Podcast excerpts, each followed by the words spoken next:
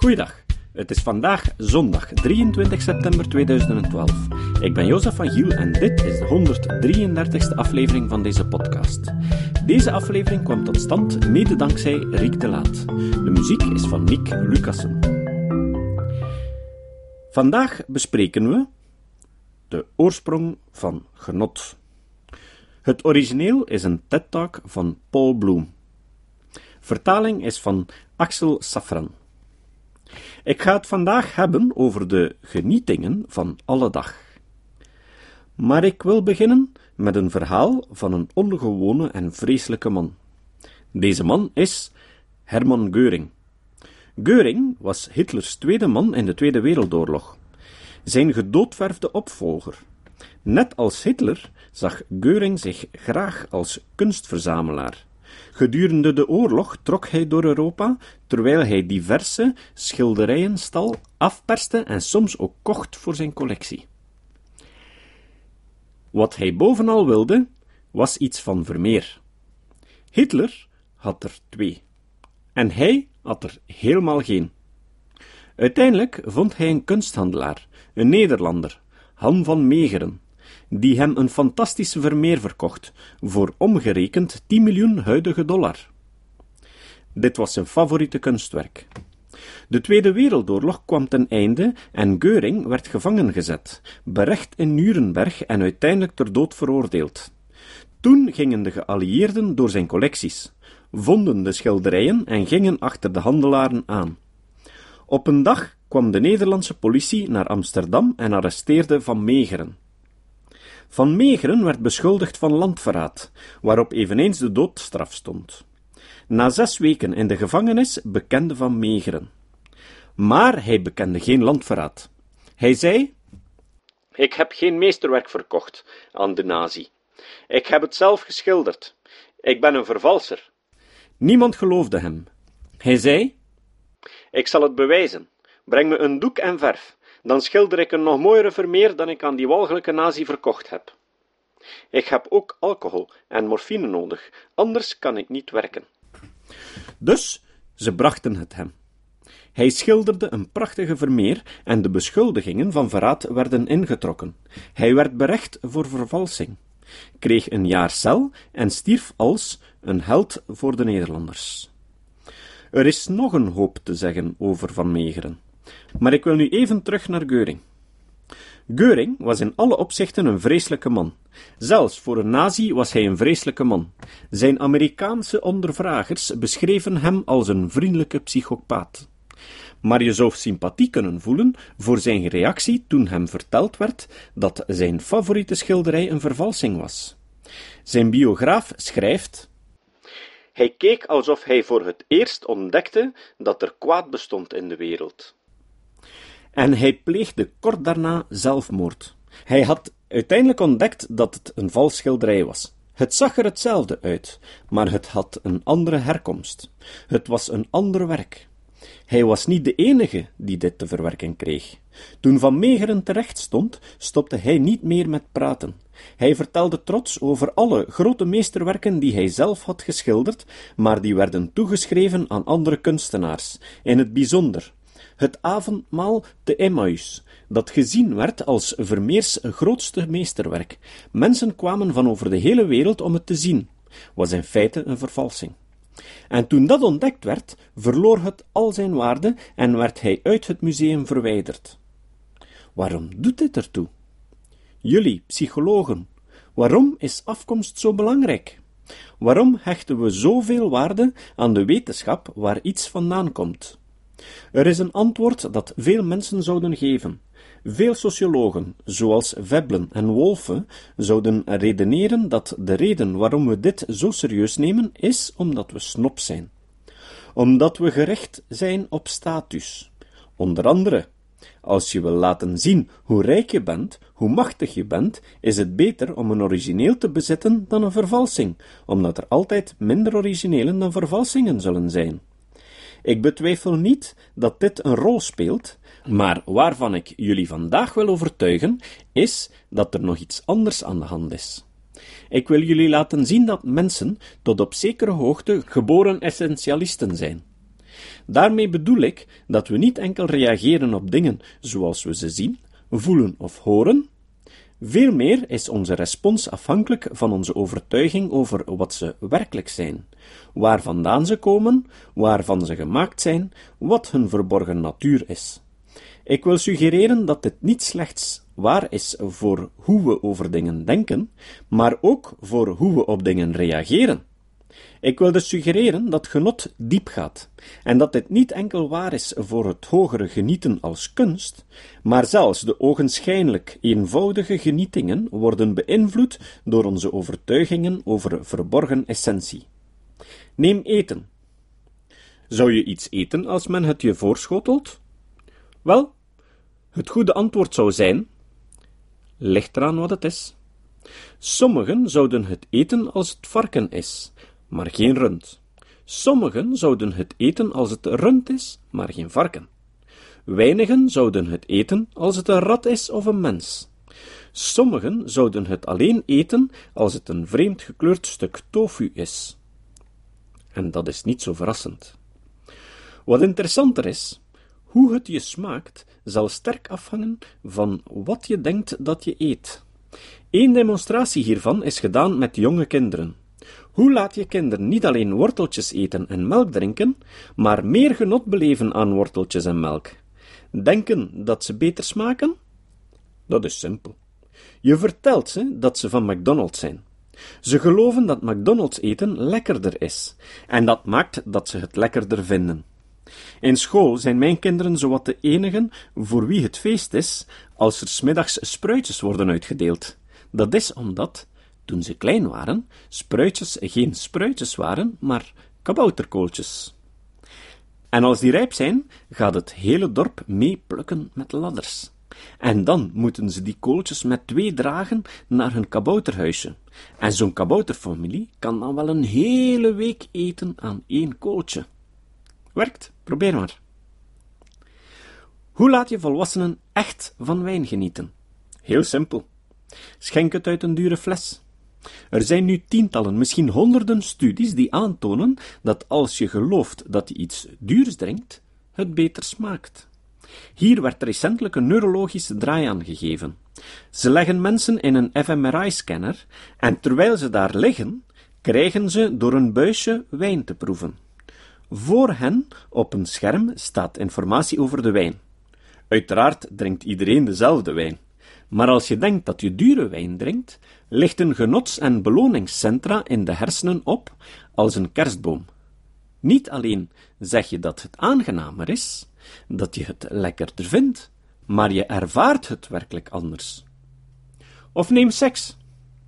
Als je aan mensen enkel foto's laat zien, zegt men dat dit redelijk aantrekkelijke mensen zijn. Maar hoe aantrekkelijk je ze vindt, hoe seksueel of romantisch aangedaan je door hen bent, berust doorslaggevend op waarnaar je denkt te kijken. Je denkt waarschijnlijk dat de ene mannelijk is en de andere vrouwelijk. Als dat geloof ongegrond blijkt, zal dat verschil uitmaken. Het zal verschil maken als ze veel jonger of veel ouder blijken dan je had gedacht. Het zal verschil maken als je zou ontdekken dat de persoon waar je lustvol naar kijkt in feite een vermomde versie van je zoon of dochter is, je moeder of je vader. Weten dat iemand familie is, smoort doorgaans het libido. Wellicht een van de meest opbeurende bevindingen uit de psychologie van het genot is dat er meer komt kijken bij er goed uitzien dan je fysiek uiterlijk. Als je iemand leuk vindt, lijkt die mooier. Daarom vinden partners in gelukkige huwelijken hun echtgenoot of echtgenote er veel beter uitzien dan andere mensen vinden. Een bijzonder dramatisch voorbeeld hiervan is de neurologische afwijking bekend als Capgras-waan. Capgras-waan is een afwijking waarbij je aan bepaalde waanbeelden leidt. Mensen met Capgras-waan denken dat de mensen die ze het meest lief hebben, vervangen zijn door perfecte dubbelgangers. Vaak is het resultaat hiervan tragisch. Mensen hebben hun dierbaren vermoord in de waan dat het een bedrieger was. Maar er is minstens één geval waarbij Capgras-waan een gelukkige afloop had. Dit werd in 1931 opgetekend. Onderzoek beschrijft een vrouw met capgras-zwaan die klaagde over haar klein geschapen en seksueel tekortschietende minnaar. Maar dat was voordat ze capgras-zwaan kreeg. Nadat ze het kreeg, deelde ze blij mee dat ze had ontdekt dat hij een dubbelganger had die rijk, potent, knap en aristocratisch was. Het was uiteraard dezelfde man, maar ze zag hem op een totaal verschillende manier. Als derde voorbeeld, consumptieproducten. Eén reden om iets te waarderen is de bruikbaarheid. Schoenen kun je dragen. Je kunt golf spelen met golfclubs. En uitgekoude kauwgom is nergens goed voor. Maar elk van deze drie objecten heeft meer waarde dan wat het voor je kan doen vanwege zijn historie. De golfclubs waren eigendom van G.F. Kennedy en werden geveild voor 750.000 dollar. De kauwgom werd gekauwd door popster Britney Spears en verkocht voor een paar honderd dollar. In feite is er een bloeiende markt voor gedeeltelijk gegeten voedsel van geliefde mensen. De schoenen zijn wellicht het waardevolst van allemaal. Volgens een onbevestigd bericht heeft een Saoedische miljonair 10 miljoen dollar geboden voor deze schoenen. Enkele jaren nadat ze naar George Bush werden gegooid op een Iraakse persconferentie. Deze aantrekkingskracht van objecten werkt niet alleen voor beroemde objecten. Ieder van ons, de meeste mensen, hebben iets in hun leven dat onvervangbaar is, vanwege hun historie. Misschien je trouwring, misschien de babyschoen van je kind. Zodat, als die verloren gingen, je ze nooit terug kon krijgen. Je zou iets kunnen krijgen dat er zo uitziet, of zo aanvoelt, maar nooit precies hetzelfde voorwerp. Met mijn collega George Newman en Jill Dieseltruck keek ik naar welke factoren, welke geschiedenis een rol spelen bij de objecten waarvan mensen houden. In een van onze experimenten vroegen we de mensen een beroemdheid te noemen die ze bewonderen, een levende persoon. Eén antwoord was George Clooney. We vroegen ze: Hoeveel zou je betalen voor George Clooney's trui? En het antwoord was: behoorlijk wat. Meer dan je zou betalen voor een nieuwe trui of een trui van iemand die je niet bewondert. Toen vroegen we andere groepen. We gaven ze verschillende restricties en verschillende voorwaarden. We zeiden tegen sommige mensen: Je mag de trui kopen, maar je mag niemand vertellen dat je hem bezit en je mag hem niet verder verkopen. Dat deed de waarde dalen, wat suggereert dat het een reden is waarom we ervan houden. Maar wat echt effect heeft, is wanneer je zegt: Je mag hem verder verkopen, erover opscheppen, maar voor je hem krijgt, wordt hij grondig gewassen. Dat zorgt voor een groot waardeverlies. Zoals mijn vrouw zei. Je hebt Clooney's eruit gewassen. Terug naar de kunst. Ik zou in Chagall het einde vinden. Ik hou van zijn werk. Als mensen me iets willen geven aan het eind van de conferentie, kun je een Chagall voor me kopen. Maar ik wil geen kopie, zelfs al kan ik geen verschil zien. Dat is niet omdat, of niet enkel omdat ik een snop ben en wil opscheppen over mijn origineel. Nee, het is omdat ik prijs stel op iets met een specifieke geschiedenis. In het geval van kunstwerken is die geschiedenis erg bijzonder. De filosoof Dennis Dutton poneert in zijn fantastische boek Het kunstinstinct de waarde van een kunstwerk is geworteld in aannames over de menselijke actie achter zijn creatie. Dat zou het verschil kunnen uitleggen tussen een origineel en een vervalsing. Ze mogen op elkaar lijken, maar ze hebben een andere geschiedenis. Het origineel is doorgaans het product van een creatieve handeling, de vervalsing niet. Ik denk dat deze insteek de verschillen kan verklaren tussen de verschillen in smaak. Neem het werk van Jackson Pollock. Wie houdt er van Pollock? Oké. Wie vindt het niets bijzonder? Houdt er niet van. Ik ga geen uitspraken doen over wie gelijk heeft. Maar ik wil wel een empirische claim maken over de intuïtie van mensen. Namelijk, als je van Jackson Pollock's werk houdt, zal je, meer dan de mensen die er niet van houden, geloven dat deze werken moeilijk te maken zijn, dat ze veel tijd en energie kosten, en creatieve energie. Ik gebruik Jackson Pollock expres als voorbeeld, omdat er een jonge Amerikaanse kunstenaar is die schildert in een soortgelijke stijl als Pollock. En haar werk was vele duizenden dollars waard, grotendeels omdat ze een zeer jonge kunstenaar is. Martha Olmsted maakte haar meeste werken toen ze drie jaar oud was.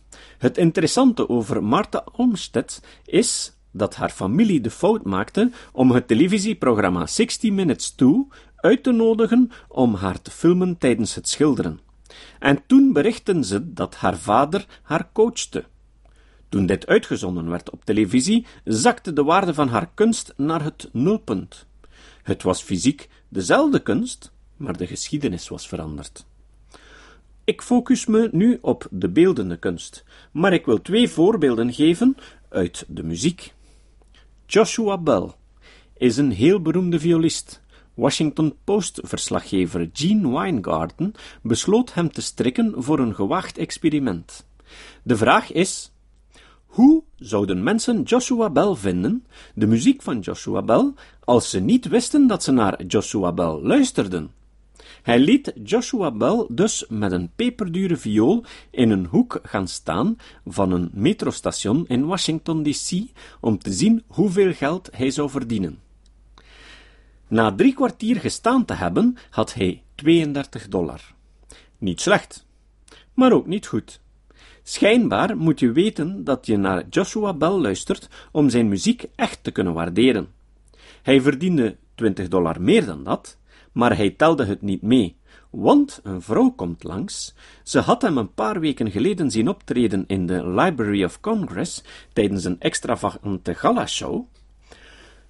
Dus ze is geschokt dat hij in een metrostation staat. Ze heeft acuut medelijden, ze graait in haar portemonnee en geeft hem een briefje van twintig. Het tweede voorbeeld uit de muziek is van John Cage's modernistische compositie 4 minutes 33 seconds. Zoals velen van jullie zullen weten, is dit de compositie waar de pianist gaat zitten, de pianoklep opent en vervolgens gedurende 4 minuten en 33 seconden niets doet. Die periode van stilte. Mensen hebben verschillende meningen hierover. Maar waar ik op wilde wijzen is dat je dit kunt kopen bij iTunes voor 1 dollar kun je luisteren naar die stilte, die anders is dan andere vormen van stilte. Ik heb tot nu toe gesproken over genot, maar wat ik wil suggereren is dat alles wat ik zei eveneens geldt voor pijn. Hoe je denkt over wat je ervaart, je gelooft over de essentie ervan, beïnvloedt de pijn. Een leuk experiment is gedaan door Kurt Gray en Dan Wagner. Ze verbonden Harvard bachelorstudenten met een elektrische schokmachine. Ze dienden ze een serie elektrische schokken toe. Een serie van vijf pijnlijke schokken. De helft wordt verteld dat ze de schokken krijgen van iemand in een andere kamer, maar dat die persoon niet weet dat hij hen schokken toedient. Er is geen kwade wil, ze drukken slechts op een knop. De eerste schok wordt ervaren als erg pijnlijk. De tweede schok voelt minder pijnlijk, want het went. De derde minder, de vierde en de vijfde. De pijn wordt minder. In de andere opstelling wordt hen verteld dat de persoon in de andere kamer ze expres schokken toedient. Weten dat ze hen pijn doen. De eerste schok doet enorm pijn. De tweede schok doet net zoveel pijn. De derde en de vierde en de vijfde. Het doet meer pijn als iemand gelooft dat je het opzettelijk aandoet. Het meest extreme voorbeeld hiervan is dat in sommige gevallen pijn onder de juiste omstandigheden kan veranderen in genot. Mensen hebben de buitengewoon interessante eigenschap om vaak lage dosissen pijn te zoeken in gecontroleerde omstandigheden en daar genot aan te beleven, zoals bij het eten van hete pepers en achtbaanritten. Dit punt is mooi samengevat door de dichter John Milton, die schreef: De geest is los van alles en kan op zich van de hel een hemel en van de hemel een hel maken. Het citaat. Het citaat van vandaag komt van Anton Chekhov. Ik heb het gepikt uit de doctoraatsthesis van Maarten Boudry. Voor wie het nog niet wist, Chekhov was een belangrijke Russische toneelschrijver. Chekhov zei: Alleen gekken en charlatans weten alles en begrijpen niets. Tot de volgende keer. Dit was de podcast Kritisch Denken. Vergeet niet om alles kritisch te behandelen, ook deze podcast. Voor verdere informatie over deze podcast, links en voor de tekst, surf naar www.kritischdenken.info. Als je deze podcast belangrijk vindt, kun je me steunen door anderen warm te maken ook eens te luisteren. Stuur een e-mail naar vrienden met een link naar de website en plaats de link in de handtekening van je e-mails. Tevens kun je op iTunes deze podcast een beoordeling geven of een recensie schrijven. Of je kan op je eigen website of blog een link naar kritisch denken plaatsen.